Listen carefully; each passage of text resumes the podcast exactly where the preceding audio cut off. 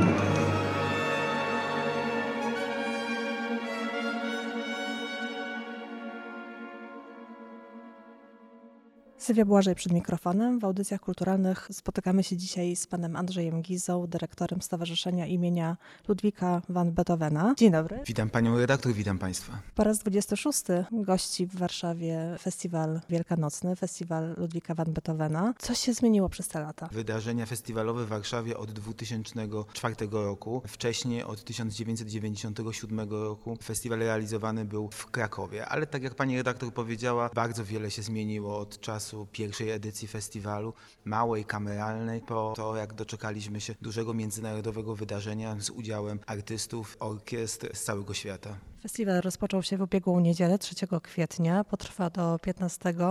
Jest już to pewną tradycją, że festiwal kończy się właśnie w Wielki Piątek, zwiastując tym samym święta Wielkiej Nocy. Koncert wielkopiątkowy wpisał się już w cykl wydarzeń, na które warszawiacy czekają i spotykamy się zawsze w Filharmonii Narodowej w tej świątecznej zadumie. W tym roku maestro Andrzej Borejko wraz z chórem i orkiestrą Filharmonii Narodowej poprowadzi rekwiem Kerubiniego i rekwiem Mamy w tym roku 13 wydarzeń, 13 koncertów. Jest to oferta bardzo zróżnicowana, bo mamy i zarówno kameralne, symfoniczne i dzisiaj w sali koncertowej Filharmonii Narodowej będziemy mogli usłyszeć operę jednoaktową w wersji koncertowej. W ramach 26. Wielkanocnego Festiwalu Ludwika van Beethovena 11 koncertów symfonicznych, dwa recitale, ale także sympozjum naukowe, które od lat współorganizuje Akademia Muzyczna imienia Krzysztofa Pendereckiego w Krakowie oraz wystawa autografów muzycznych w Bibliotece Jagiellońskiej. W ramach cyklu rzadko wykonywanych i nieznanych oper maestro Łukasz Borowicz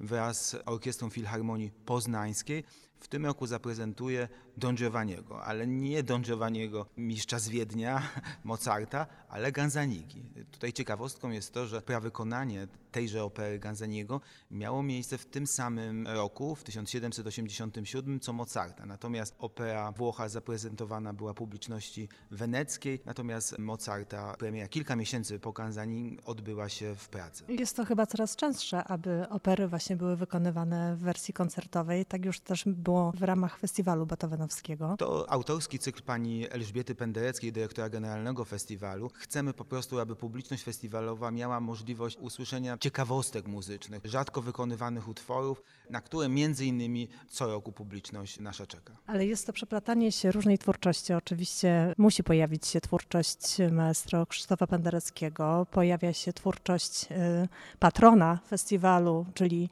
Ludwika van Beethovena, ale sięgacie Państwo również po utwory i te mniej znane, często może i zapomniane, ale też po utwory dwudziestowieczne, które poszerzają spektrum repertuarowe. Beethoven jest tym paradygmatem dla muzyki drugiej połowy XIX wieku i muzyki XX wieku. Stąd Rada Programowa Festiwalu zestawia rzadko wykonywane utwory, nieznane w tym roku chociażby wybrzmi Ives, bardzo rzadko wykonywany na naszym festiwalu, ale także i wielka klasyka. A jeżeli chodzi o samych artystów, których Państwo gościcie w tym roku, bo oczywiście Iwona Hossa, Tomasz Konieczny, ale są też młodzi artyści, którzy są jeszcze mniej rozpoznawalni szerszej publiczności. Znowu muszę wrócić do idei pani Elżbiety Pendereckiej, która podczas jakby całej swojej działalności stara się, aby tam, gdzie może, promować e, młodych i wybitnie uzdolnionych artystów. W tym roku publiczność festiwalowa no, ma możliwość uczestniczenia w naprawdę nadzwyczajnych wydarzeniach, bo nie pamiętam festiwalu, ale też innego wydarzenia warszawskiego muzycznego, podczas którego wystąpią laureaci największych koncertów pianistycznych na świecie. Bo mamy w tym roku i laureata Rubinsteina, i laureata Van Cliburn, i laureata Wielkiego Konkursu Królowej Elżbiety Belgijskiej, i laureata Cleveland. Więc naprawdę znakomity przegląd nieznanych publiczności pianistów. Zwracam także uwagę na występ Łukasza Krupińskiego, artysty reprezentowanego przez Stowarzyszenie imienia Ludwika van Beethovena, zdobywcy wielu nagród, od kilku lat mieszkającego na stałe w Wielkiej Brytanii, który wykona trzeci koncert Beethovena.